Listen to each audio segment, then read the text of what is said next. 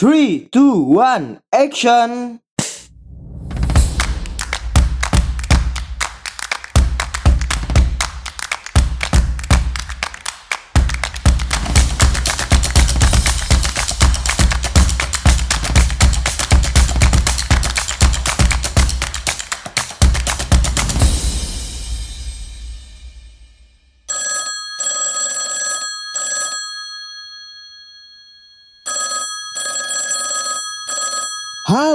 Selamat datang kembali di Pod by MA, tentunya di program Anak Komunikasi. Ya. Oke, para pendengar Pod by MA, kita kembali lagi di mata kuliah Teori Komunikasi. Pada minggu lalu kita sudah membahas tentang kronologi perkembangan teori komunikasi dari zaman periode klasik sampai tahun 1950 dan 1954. Nah, pada pertemuan kali ini nggak usah berpanjang-panjang, kita langsung saja menjelaskan periode dari tahun 1955 sampai tahun 1959. Nah, yang pertama, studi komunikasi interpersonal diperluas secara signifikan dengan diperkenalkannya pendekatan baru. Nah, beberapa orang-orang di antaranya ada Carl Rogers mempublikasikan ide-ide tentang terapi berpusat klien yang kelak menghasilkan studi komunikasi yang berpusat pada orang dan studi dialog. Selanjutnya ada Irving Goffman mempublikasikan serial buku terkenalnya tentang interaksi manusia dan presentasi diri yang sangat mempengaruhi riset dan teori dalam komunikasi interpersonal. Ada juga George Kelly yang menyajikan teori konstruk personal yang menjadi basis untuk konstruktivisme di Amerika Serikat. Ada juga John French dan Bertram Raven mempublikasikan model kekuasaan interpersonal yang populer, di mana menyebutkan lima sumber kekuasaan yang sering dikutip dalam literatur komunikasi. Ada juga George Homans mempublikasikan artikel penting berjudul Social Behavior as Exchange yang membuka gerakan akademik pada bidang teori pertukaran sosial di dalam ranah ilmu-ilmu sosial dan berpengaruh besar pada studi komunikasi interpersonal. Dan selanjutnya ada juga Fritz Heider mempublikasikan buku terkenal dengan judul The Psychology of Interpersonal Relation. Di lain sisi ada George Traeger yang memajukan paralinguistik dengan menciptakan sistem klasifikasi suara. Dan yang terakhir pada masa-masa itu ada Edward T. Hall yang mengusulkan studi prosemik ya atau studi ruang dalam komunikasi dalam bukunya yang masyur yang berjudul The Silent Lunch. Nah, teman-teman semuanya, ternyata ada banyak sekali filsuf-filsuf yang menulis tentang komunikasi dan komunikasi nggak cuma sempit tentang penyampaian informasi dari komunikator, komunikan saja, tapi ada yang bahas masalah language, ada yang bahas masalah ruang, ada yang bicara tentang interpersonal dan bermacam-macam lagi. Nah, jadi model efek media yang kuat mulai ditinggalkan pada saat itu. Atau kita berbicara tentang sudah menganggap bahwa manusia itu sudah aktif gitu ya. Jadi menilai bahwa orang-orang itu sudah nggak lagi kayak zaman-zaman dulu yang langsung terpengaruh oleh media karena dia mereka baru mendapatkan atau menemui karakteristik-karakteristik media itu sendiri. Nah, yang selanjutnya itu ada Joseph Klepper mempublikasikan The Effect of Mass Communication yang mendukung teori efek terbatas. Ini mulai masuk pada uh, model efek yang meninggalkan sudah menjelaskan bahwa masyarakat atau penonton itu itu sudah mulai aktif mereka semuanya. Yang selanjutnya ada Elihu Katz, Jay Bloomer dan Michael Gurevich memperkenalkan penggunaan pendekatan gratifikasi untuk media. Dan ini menimbulkan studi tentang bagaimana orang memilih dan menggunakan media serta cara mereka menjadi tergantung pada media. Nah, sedangkan itu pendekatan psikologi sosial terhadap sikap dan perubahan sikap terus berkembang dan kini mulai berpengaruh terhadap studi persuasi. Ada Leon Festinger memulai program riset nyata terhadap disonansi kognisi atau disonansi kognitif yang berpengaruh besar pada studi persuasi dan sikap. Terjadi pergeseran dalam pemahaman tentang bahasa dan diskursus. Noam Chomsky mengemukakan cara berpikir baru tentang bahasa dan pemikiran berdasarkan pada grammar transformasional. Selain itu, Stephen Tolmin mempublikasikan The Use of Argument yang memengaruhi studi argumentasi karena ia mengarahkan perhatian orang pada logika informal dan menjauhi logika formal. Dilanjutkan pada tahun 1960 sampai 1964. Riset tentang persuasi mendominasi agenda riset empiris. Muzaffar Sherif dan rekannya mempublikasikan karya penting tentang teori penilaian sosial. William McGuire mengemukakan teori inokulasi untuk menjelaskan penolakan terhadap persuasi. Pendekatan alternatif untuk studi bahasa memperluas studi simbol dan komunikasi. Ada Michael M. Osborne, Douglas Ehninger, dan lain-lain mulai penelitian panjang tentang peran metafora dalam bahasa, retorika, dan komunikasi.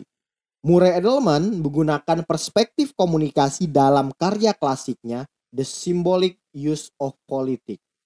Selanjutnya ada Jacques Lacan yang sudah berpraktek sebagai psikoterapis yang kontroversial, memulai serangkaian seminar sepanjang dua dekade di mana dia menghubungkan subjektivitas manusia dan alam bawah sadar dengan bahasa.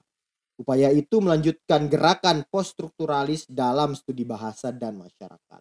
Ada juga Hans George Gadamer menyelesaikan edisi pertama magnum opusnya yaitu Truth and Method yang membawa hermeneutika ke dalam ilmu sosial dan kemanusiaan. Ada juga J.L. Austin mempublikasikan How to Do Things with Words yang dianggap sebagai awal dari teori tindakan bicara. Basil Bernstein menulis artikel penting tentang aturan yang luas dan aturan terbatas. Nah, setelah itu ada teori kritis mulai berperan penting dalam studi komunikasi. Setelah sudah melewati pendekatan alternatif yaitu studi bahasa untuk memperluas status simbol-simbol komunikasi. Mulai masuk ke pembahasan tentang teori kritis yang berada di dalam studi komunikasi. Ada Jürgen Habermas menulis buku pertamanya yaitu The Structural Transformation of Public Sphere yang dipublikasikan di Inggris pada tahun 1989 yang menimbulkan minat pada komunikasi demokratik publik. Karya Habermas yang dikaji terus-menerus hampir selama 40 tahun menjadikannya salah satu teoritisi komunikasi paling berpengaruh dalam tradisi kritis dan pragmatis. Ada juga Richard Hogarth mendirikan Center for Contemporary Cultural Studies di Birmingham University, United Kingdom, yang kelak menjadi basis untuk lahirnya karya-karya penting tentang kekuasaan dan produksi kultural. Para sarjana mulai mengembangkan teori postmodern sebagai tandingan terhadap modernisme dan mempertanyakan klaim kebenaran dan nilai-nilai. Selanjutnya ada teori difusi dipublikasikan ada Everett Rogers mempublikasikan edisi pertama dari karya klasiknya, yaitu Diffusion of Innovation. Ada juga feminisme gelombang kedua dimulai. Ada Betty Friedan mempublikasikan The Feminine Mystic. Ada juga eksplorasi terhadap efek media terhadap masyarakat dan pemikiran manusia. Dan ada juga Marcel McLuhan mempublikasikan karya penting tentang efek pembiasaan oleh media. Nah, setelah kita sudah membahas dari tahun 1960 sampai 1964, sekarang masuk pada tahun 1965 sampai 1969. Nah, pada tahun itu mulai berkembang pendekatan kualitatif yang lebih memperhatikan pada detail kehidupan sosial. Ada Harold Garfinkel memperkenalkan etnometodologi ada Harvey Sack yang dipengaruhi oleh etnometodologi meletakkan dasar-dasar untuk karya analisis percakapan. Ada juga Marvin Scott dan Stanford Lehman mempublikasikan karya tentang metode penjelasan. Ada Del Hims mengemukakan etnografi pembicaraan yang menimbulkan minat pada studi kultur di bidang komunikasi. Dan yang terakhir pada masa-masa itu ada Bernie Glaser dan Anselm Strauss memperkenalkan grounded theory. Nah, teori-teori kritis alternatif menentang pandangan tradisional tentang bahasa dan diskursus dalam masyarakat. Ada Michel Foucault memulai menulis dan mempelajari tentang hubungan diskursus, bahasa, dan pengetahuan dengan relasi kekuasaan di dalam masyarakat. Ada Jacques Derrida mempublikasikan of Grammatology di Prancis yang sangat mempengaruhi pemikiran poststrukturalis. Studi komunikasi nonverbal berlanjut. Ada Paul Ekman dan Wallace Friesen mengawali riset tentang tipe-tipe komunikasi nonverbal yang menekankan pada wajah dan tangan. Ada George Traeger dan kawan-kawannya melanjutkan karya yang menghubungkan paralanguage dengan vokalisasi binatang. Dan yang terakhir pada masa itu ada Albert Mehrabian memperkenalkan konsep imediasi atau kesegeraan yang belakangan mempengaruhi studi komunikasi nonverbal. Pada masa itu berakhir, mulai muncul pemikiran baru tentang hubungan antar manusia. Ada karya pragmatis dari Palo Alto Group menjadi terkenal setelah Paul Wells, Paul Weslawik Janet Bevan dan Don Jackson menulis karya penting mereka yang berjudul Pragmatic of Human Communication and Paradox yang mempengaruhi teori relasi, komunikasi interpersonal, dan teori sistem. Selanjutnya ada John Bowlby mempublikasikan karya rintisan tentang ketertarikan relasional manusia. Dengan menggunakan konsep transparansi, Sidney Jourard memulai tradisi riset dan teori pengungkapan diri. Sedangkan setelah itu sibernetik dan teori sistem mendapat perhatian luas. Ludwig von Bartholdy mempopulerkan teori sistem dan memulai gerakan di seputar General System Theory atau GST yang kelak mengilhami kemajuan di dalam teori sistem dan teori kompleksitas. Nah, selain itu, studi retorika dan diskursus diperluas dari konsep tradisional ke fenomena yang lebih luas ada Liot Bitzer mengkodifikasikan situasi retoris, yaitu memberikan konsep utama untuk teori retorika. Ada juga Cham Perelman dan Lucy Albert TK mempublikasikan buku mereka yang berjudul The New Rhetoric. Ada juga John Sarley mempublikasikan Speech Art atau An Essay of the Philosophy of Language. Mulai berkembang proposal baru dalam teori media saat itu. Ada Gardner memperkenalkan teori kultivasi yang menunjukkan bahwa terlalu banyak menonton televisi akan mempengaruhi persepsi individu terhadap dunia di sekitarnya. Setelah mempelajari kampanye presiden tahun 1968, Maxwell Malcolm dan Donald Shaw mengemukakan teori penentuan agenda media yang memulai proyek jangka panjang untuk membahas efek penentu agenda atau yang kita kenal dengan teori agenda setting.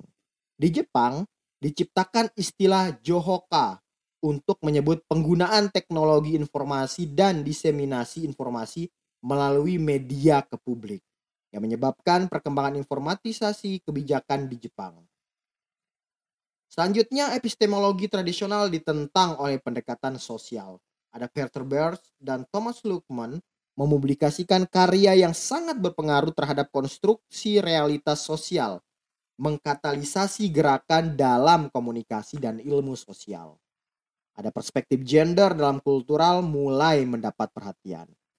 Ada The Combe River memulai gerakan wanita dan kemudian diteorisasikan oleh Patricia Hill Collins untuk mengekspresikan perspektif dan pengalaman wanita kulit hitam. Lahir studi kognisi dalam komunikasi akhirnya. Setelah itu ada Jean Blaise Gris memulai proyek jangka panjang tentang logika komunikasi sehari-hari.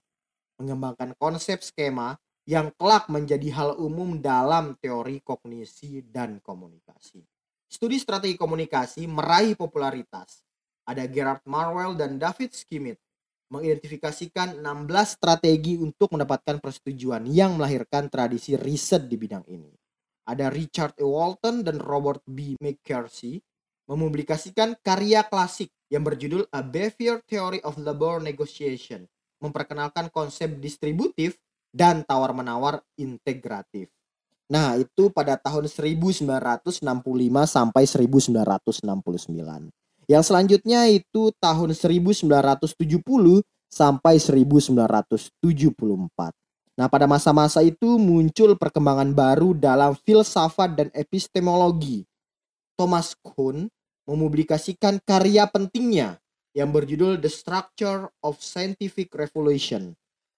Ada Richard Lanigan memperkenalkan bidang ini kepada konsep filsafat penting, khususnya fenomenologi yang kemudian berkembang menjadi bidang filsafat komunikasi. Nah, ada Umberto Maturana dan Francisco Varela mempublikasikan karya tentang autopoiesis atau sistem yang mendefinisikan diri sendiri yang kemudian memengaruhi studi sibernetika pengetahuan. Minat pada komunikasi nonverbal makin meningkat. Saat itu ahli linguistik Kanada ada Fernando Poyatos menunjukkan relasi antara tanda baca tertulis dan karakteristik paralinguistik. Ada Fernando Poyates juga menciptakan istilah kronomik untuk menyebut peran waktu dalam komunikasi atau biasanya kalau kita bicara ini ya jam ya bisa ada ada kronomik gitu ya krom kronomik itu bisa disebut-sebut dalam uh, pembahasan kalau tentang jam-jam kayak gitu. Teori kritis fokus pada bahasa diskursus dan media. Kebangkitan aliran Birmingham membuka jalan bagi studi tentang penggemar atau fan. Herbert Scaler mempublikasikan kritik tajam terhadap hegemoni media dan kultural Amerika Serikat yang menimbulkan perhatian dari sarjana kritis pada bentuk imperialisme ini. Ada Jeremy Tunstall menyusun sejarah pengaruh global dari media Amerika Serikat. Michael Holiday memperkenalkan linguistik kritis yang sangat mempengaruhi pendekatan kritis terhadap analisis wacana atau diskursus. Ada Louis Althusser mempublikasikan ide penting tentang ideologi dan aparatur negara. Ada Paulo Freire mempublikasikan pedagogi of the oppressed dalam bahasa Inggris, menimbulkan lebih banyak pendekatan kritis terhadap pendidikan komunikasi dan teori kritis. Komunikasi interpersonal menjadi perhatian utama di bidang komunikasi saat itu. Ada Irwin Altman dan Dalmas Tyler menyajikan teori penetrasi sosial yang memengaruhi pemikiran tentang perkembangan relasional dan pengungkapan. Ada Roderick Hart dan Don Burke mendeskripsikan sensitivitas retoris sebagai pendekatan ideal untuk menyusun kerangka pesan dalam komunikasi yang kemudian dielaborasi oleh suatu tim koleganya. Ada George Bateson mempublikasikan karya penting yaitu Step to an Ecology of Mind yang menjadi basis untuk riset panjang tentang pendekatan sistemik dan sosial terhadap relasi. Ada Harold Kelly memicu banyak karya di dalam ilmu sosial tentang teori atribusi yang kemudian mempengaruhi studi komunikasi interpersonal selama dekade selanjutnya. Ada Michael Argill dan rekannya mengeksplorasi perilaku interaksi terlatih dan yang terakhir ada Milton Rockage mempublikasikan The Nature of Human Value. Itu pada masa-masa saat itu. Dan yang selanjutnya ada studi gender dan feminis naik daun dalam bidang komunikasi. Mulainya pada tahun antara 1970 sampai 1974. Nah, studi gender dan feminis ini mulai naik daun. Ada beberapa filsuf-filsuf yang membahasnya. Yang pertama ada Caris Kramer, memperkenalkan ide bahwa bahasa pria dan wanita mungkin berbeda. Gagasan ini menimbulkan teori gender lag. Kemudian ada juga Carlin Court Campbell mempublikasikan artikel yang sangat berpengaruh tentang retorika pembebasan wanita yang menggerakkan tradisi kritik retorika perempuan. Ada feminisme Prancis yang kemudian memengaruhi pemikiran komunikasi feminis Amerika Serikat yang mulai berkembang. Berkembang metode baru analisis diskursus dan percakapan. Ada beberapa filsuf, di antaranya ada H. Paul Gris, yang menyusun prinsip kerjasama dalam mengidentifikasi prinsip percakapan yang menjadi dasar bagi tradisi analisis percakapan. Kemudian teori media mulai berkembang pesat. Ada Elizabeth Null dan Newman mengusulkan pendekatan baru untuk memahami opini publik yang dikenal sebagai spiral kebisuan atau sering kita sebut dengan teori spiral of silence. Teori penutupan agenda Maxwell McComb dan Donald Shaw menimbulkan minat pada cara media dan audiensi membentuk agenda publik pada agenda publik pada isu-isu penting. Ada George Gardner, ada George Gardner memulai riset tentang indikator kultural, menghasilkan investigasi dampak media terhadap kultur dan perkembangan teori kultivasi. Laporan United States Surgeon General tahun 1972 tentang tayangan kekerasan di televisi memicu banyak riset terhadap efek kekerasan di media. Studi kultur memasuki bidang kajiannya. Mary Pukui membangkitkan minat pada Ho'oponopono, bentuk tradisional resolusi konflik suku asli Hawaii yang membangkitkan minat dan penelitian pada bidang ini. Ada Clifford Geertz selanjutnya mempublikasikan karya penting tentang interpretasi kultur yang berdampak pada studi komunikasi dan kultur. Sarjana-sarjana seperti Victor Turn dan Richard Skinner menekankan performa atau kinerja sebagai bagian integral dari pengalaman manusia. Pendapatan mempengaruhi studi komunikasi dan kultur.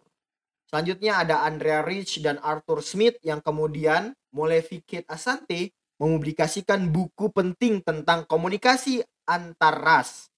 Metode retorika baru terus berkembang saat itu. Ada Ernest Borman menyusun ide berdasarkan karya Robert Bowles tentang komunikasi kelompok dan memulirkan analisis tema fantasi yang kemudian berkembang menjadi teori konvergensi simbolik. Ada Philip Wonder dan Stephen Jenskin mempublikasikan artikel penting tentang retorika ideologi berjudul Rhetoric, Society, and the Critical Response. Pengaruh kelompok mulai diteliti. Irving Janis memperkenalkan hipotesis pikiran kelompok atau group think bidang komunikasi mulai menengok ke isu-isu perkembangan manusia. Ada Frank Dance dan Carl Larson mengemukakan teori pembicaraan dalam komunikasi manusia. Nah, demikian penjelasan sampai tadi tahun 1974. Nah, pada pertemuan selanjutnya kita akan membahas beberapa penjelasan lagi tentang kronologi perkembangan teori komunikasi dan komunikasi itu sendiri dari tahun 1975 sampai 1979. Oke, para pendengar Pod BMA, tentunya tetap dengerin anak komunikasi di mata kuliah teori komunikasi. Sampai ketemu di pertemuan selanjutnya. Yo.